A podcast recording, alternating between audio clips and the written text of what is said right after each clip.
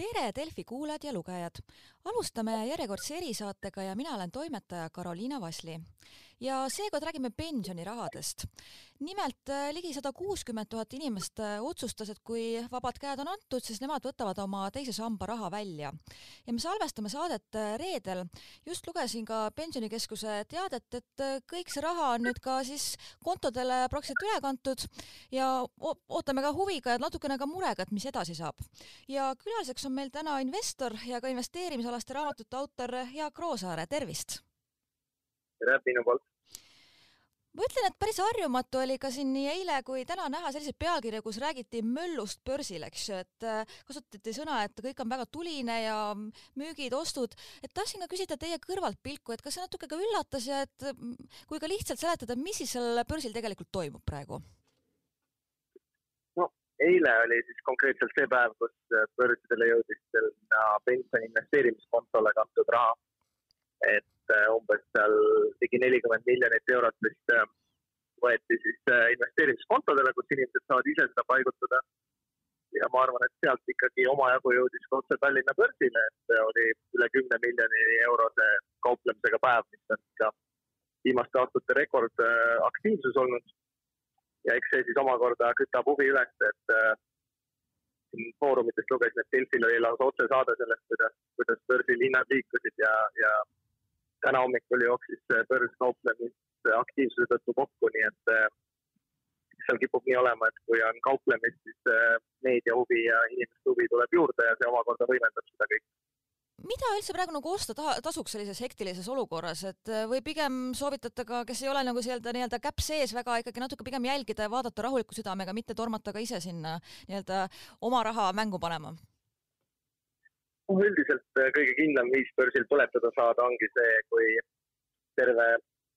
terve tõusulaine on nagu pealt vaadatud ja ei ole julgetud sisse minna ja siis äh, sellises eufoorilises kiirete tõusude päevas lõpuks otsustatakse ikkagi ka investeerida, et, et ma pigem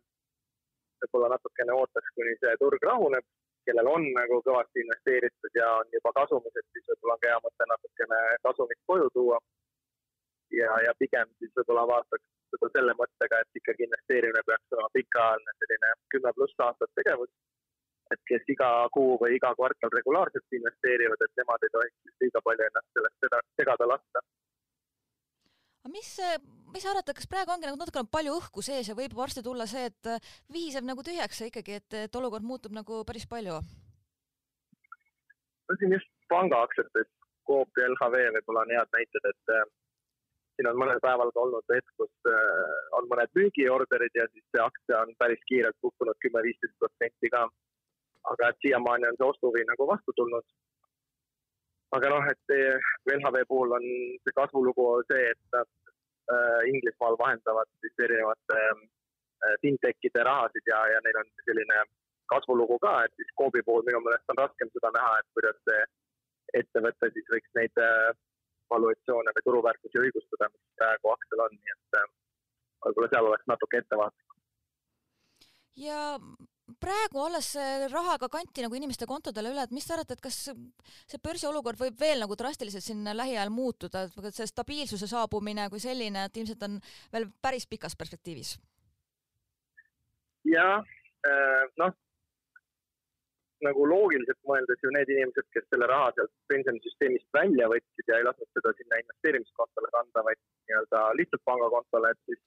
nemad ilmselt seda börsile ka ei paiguta või vähemalt ei plaaninud paigutada. et muidu oleks neil ju maksude mõttes olnud loogilisem see raha sinna investeerimiskontole jätta ja tulumaks alles hoida. aga et kui siin see eufooria jätkub ja ikka iga hommik saad lehest lugeda, kuidas rikkaks saadakse läbi börsiaktsiate, et siis võib-olla osa sellest rahast, mis muidu oli mõeldud koduremondiks või puhkusereisiks, läheb ka börsile, et et siis võib see mull nagu veel jõuliselt edasi paisuda, et seda nagu ette ei oska öelda et selliste turgude selline võlu ja palu ongi see, et, et tõusud siin äh, turu haripunktis on hästi kiired ja hästi jõulised, et siin on võimalik palju võita, aga et siis samal ajal on võimalik ka palju kaotada, juhul kui äh, see turg pöördub. Aga kui vaadatagi peale seda kuuskümmend tuhat inimest on väga palju, aga kui vaadata sinna sisse, siis tegelikult ega need summad äh, väga suured ei ole, paljudel kas laenude katteks või muud asjad, et äh, mis te ka soovitaks, et ütleme, kui inimene võib-olla seal saabki nüüd kätte konto peale kuskil viis tuhat, kuus tuhat eurot, et äh, mis oleks teie meelest nagu need mõistlikud tegevused, kuidas seda siis kasutada, kui juba see otsus on tehtud, et välja võetud? no üldiselt läheneks sellise eraisiku finants nõustamise põhireeglite järgi, et kui on kaelas mingid väga kõrge intressiga laenud, et siis on kindlasti mõistlik need ära maksta. et kõik laenud, mis ma arvan, on kümme protsenti pluss intressiga, oleks, oleks mõistlik ära maksta, enne kui raha niisama kontol hoida või investeerima hakata. ja siis ma arvan, et eh, hingerahu jaoks on väga hea mõte võtta kuskil kolme kuni kuue kuu puhver niisama pangakontol, mitte väga muretseda, et inflatsioon seda seal aeglaselt sööb, et hingerahu tuleb siis teadmisest, et sul on rahaline puhver olemas, ootamatuste vastu kaalub selle inflatsiooni üle. ja, ja kui siis raha üle peaks jääma, et siis ähm, eks inimestel oli siis ikkagi ilmselt mõttes, kas jah, lapsi toetada või oma kodus remonti teha või kuhugi reisile minna, et et ju siis suur osa sellest rahast läheb ka tarbimisse mis kõrva, kuidas tundub, et läheb selliseks tarbimiseks peos kätte, meil on ka siin selliseid artikleid olnud, kus muidugi, et ega ükski ettevõtja ei hakka ütlema, et me nüüd hakkame siin meelitama nagu kärbsepaberiga, et nüüd tulge ja sooduspakkumised, raisake oma raha ära. aga ilmselt ikka natuke on seda oodata, et läheb sellisesse igapäevatarbimisse ja tõesti, et kes ostab uue teleka, kes läheb soojamaareisile. jah, no eks ta on omamoodi huvitav eksperiment, et äh, ühel päeval kantakse üle miljardi euro nagu inimeste kontodele, et äh, et ma arvan, et see kuidagi ikka mõjutab, et ma ise näiteks olen äh, Novatura tahtnud ostnud, mis siis pakub selliseid äh, pakett- ja puhkusereise, et ma arvan, et nemad võiksid sellest võita kõvasti, et et inimesed äh, jah, puhkuse ja päikesereisidele vast ikkagi investeerivad. aga mis neist noortest arvavad, kes kasutavad seda kodulaenu selliseks sissemakseks, et pikas perspektiivis, mis hindate, et kas see on selline mõistlik investeering? no kui sõltub kontekstist, et kui on alternatiiv see lihtsalt ära kulutada või maha reisida, siis ma arvan, kodulaenu sissemakseks äh, kasutada igati hea mõte, et et ma arvan, paljud vanemad võib-olla annavad seda raha ka just lastele kodulaenu sissemakseks, et äh, et see ei pruugi ka üldse halb mõte olla, et äh, nii-öelda oma pensionirahast aidata lastel kodu osta ja siis lapsed omakorda aitavad sul pensionit iga kuu maksta. et ma oma vanematega olen ka sellise diili teinud, et nemad võtsid pensionirahad välja ja andsid selle raha minu käsutusse ja mina maksan neile igakuist sellist äh, pensionit siis justkui. et ma arvan, see generatsioonide vaheline koostöö pensionis on igal juhul küsiski selle teie näite kohta, et kui nendega ka arutasite või, või et mis nagu neid motiveeris just seda sammu, et ikkagi välja võtta ja et siis äh, niimoodi tasapisi nagu maksate, et miks see neile nagu oli selline mõistlikum lahendus praegu? No minu ema ja isa mõlemad on seal pensioniea läheduses, et nemad said äh, kümneprotsendilise soodustulumaksuga selle raha välja võtta. ja kuna parasem alternatiiv oli panna see sellisesse justkui kindlustuslepingusse, mis kus, kui surmani pidi maksma sellist igakuist äh, pensionilisa, aga oleks see algsumma ära võetud, et siis äh, ma arvan, et see minu lahendus on igal juhul parem, et mina sain selle raha panna enda investeeringutesse ja maksan siis oma vanematele kuus protsenti sealt intressi, mis on üldiselt kõrgem tootlus kui selle raha pealt kuskilt pangahoiust saab ja küsis ka ühe, mida mul üks tuttav küsis, äh, minu vanune, selline kolmekümnendate alguses, temal oli see mõte, et võtab teise samba välja ja hakkab kolmanda sambaga tegelema, et ka see raha sinna, et üleüldse keskenduda pigem siis kolmandale sambale, et mis sa arvad, et on see selline õige taktika või, või natukene käiku peale, et? No mina arvaks, et ikkagi, kes on kolmekümnendates eluaastates ja, ja käib, käib tööl ja teenib palka, et temal oleks ikkagi mõistlik mõlemad sambad endale alles jätta, et ka mina endale jätsin alles nii teise samba kui ka maksimeerin kolmandat sammast ja kõik need sambad istuvad madalate kuludega indeksfondis, nii et, et ma arvan, et kellel ei ole mingeid suuri laene kaelas või ei väga rasket rahalist olukorda, et nendel on ikka mõistlik oma pensioni peale mõelda ja mitte, mitte seda tulevikuraha täna ära süüa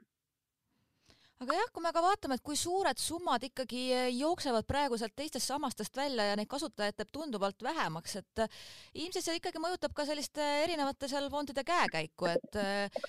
võib sealt ka ootamatusi tulla või pigem ei peaks muretsema inimesed, et kui nende fondist läheb nagu väga palju inimesi ära? ma arvan, et pigem ei pea muretsema jah, et need mahud on ikkagi piisavad ja meil on neid investeeringuid fondidel piisavalt hajutatud, et ja see info oli ka ikka ette teada, et see ei tulnud sellise suure üllatusena, nii et ma arvan, et muretseda selle pärast pole vaja aga ka noh, laiemas perspektiivis, et mis sa arvad, et jääb see sambasüsteem meil ikkagi püsima või ma olen ka kuulnud, et paljud vaatavad, et noh, ise veel ei läinud selle hurraaga siin kaasa, aga et ikkagi võetakse välja või ikkagi nagu on selline elujõuline see meie teine sammas? ma tahaks loota, et ta jääks püsima, et äh, paljud miinused, mis seal olid, tehti selle reformiga korda, et äh, et algselt oli ju suur miinus see, et äh, pensionifondide tasud olid väga suured ja, ja investeerimispiirangud olid fondidel ehk nad jäid tootlustele alla need said juba mõned aastad tagasi, kui Tuleva börsile tuli korda tehtud, et praegu on seal tootlused väga okeid ja, ja teine suur miinus oli see väljamaksete süsteem, et äh, sa ei saanud seda raha võtta korraga välja jupikaupa välja, vaid pidid ostma selle justkui elukindlustus äh, annuiteetlepingu, mis siis võttis selle summa endale. See on nüüd ka praegu korda tehtud, nii et ma arvan, et äh, praegune süsteem on igati, igati mõnus. ja et äh, ma ei tahaks uskuda, et äh, inimesed üldse pensioni jaoks koguma ei peaks, et, et see maksusoodustusega pensioni jaoks kogumine on ikkagi mõistlik nii riigi kui inimese vaatenurgast jah, eks võib-olla ka osadel noortel on see, et ikka pensionipõli on veel nii kaugel ja muretsetakse siin inflatsiooni ja kõige muu pärast, mis, et no sööb raha ära vahepeal ja et mis ma ikka kogun.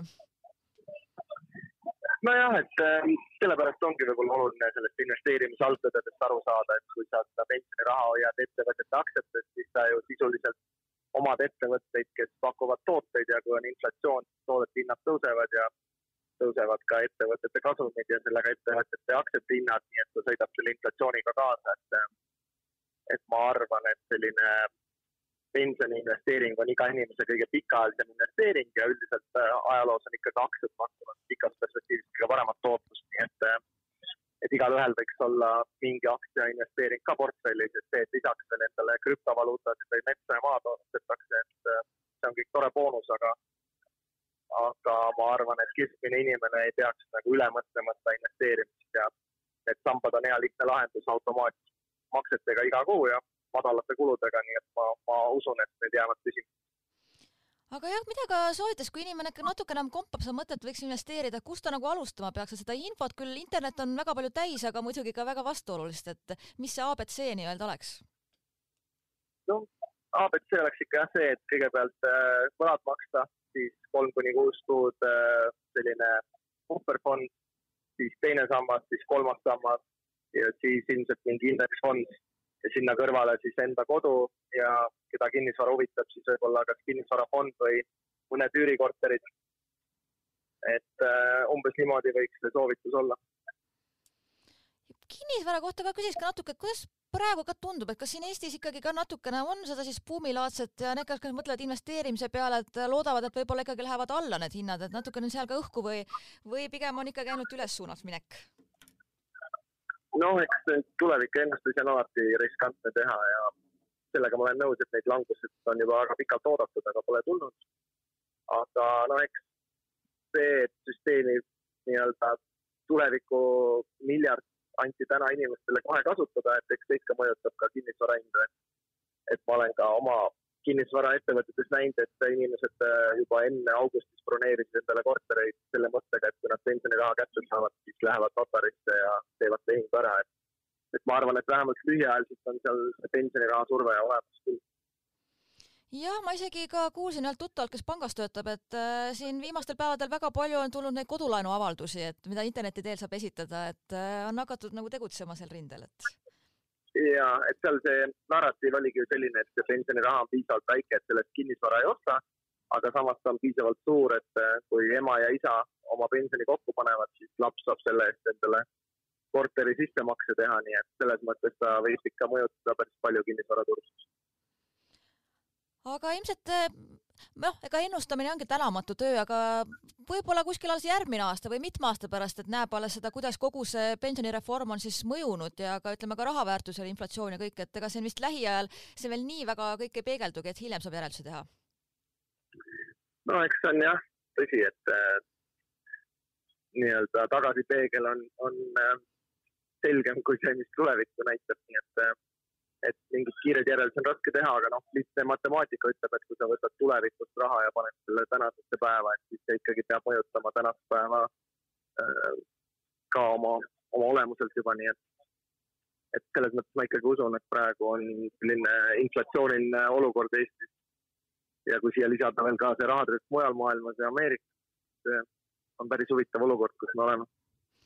et ühesõnaga pigem niisama pangakontole seisma ei tasu ka raha jätta, et oodata, et kas kümne aasta pärast kasutusele võtta? no ma ütleks, et niisugune äh, kolme või kuue kuu puhver võiks ikka igal inimesel olla, et sellises buumilises meeleolus sageli inimesed äh, investeerivad kõik raha ära ja võtavad veel laenu ka, et investeerida, seda ma ka ei soovitaks. Mhm. aga et nüüd endale pensioniraha kontol hoida ja oodata, et tuleb mingi suur krahh ja siis saab kõiki varasid uuesti odavamalt osta, et see ei pruugi ka nii minna. et äh, kui nüüd mõelda, kuidas viimase kahekümne aasta jooksul on, on hinnad liikunud ja palgad liikunud, et siis ikkagi üldiselt me elame sellises inflatsioonilises keskkonnas, et pikaajaliselt oma vara väärtuse hoidmiseks pead ostma kas aktsiaid või mingeid muid varasid, et pangakontol hoides rahal pigem väärtus väheneb aga ma arvan, et selle mõttega tõmbaski joone alla, et päris nii-öelda sukasäärde ei tasu ka raha jätta. ja kõigile, kes äh, võtsid äh, raha välja, soovitame siis jah, kainet mõistust ja et õiget, loodame, et otsused on õiged ja et ikkagi kõrvetada ei saa. jah, teeme nii. ja aitäh teile aega leidmast, rääkimast. kõike head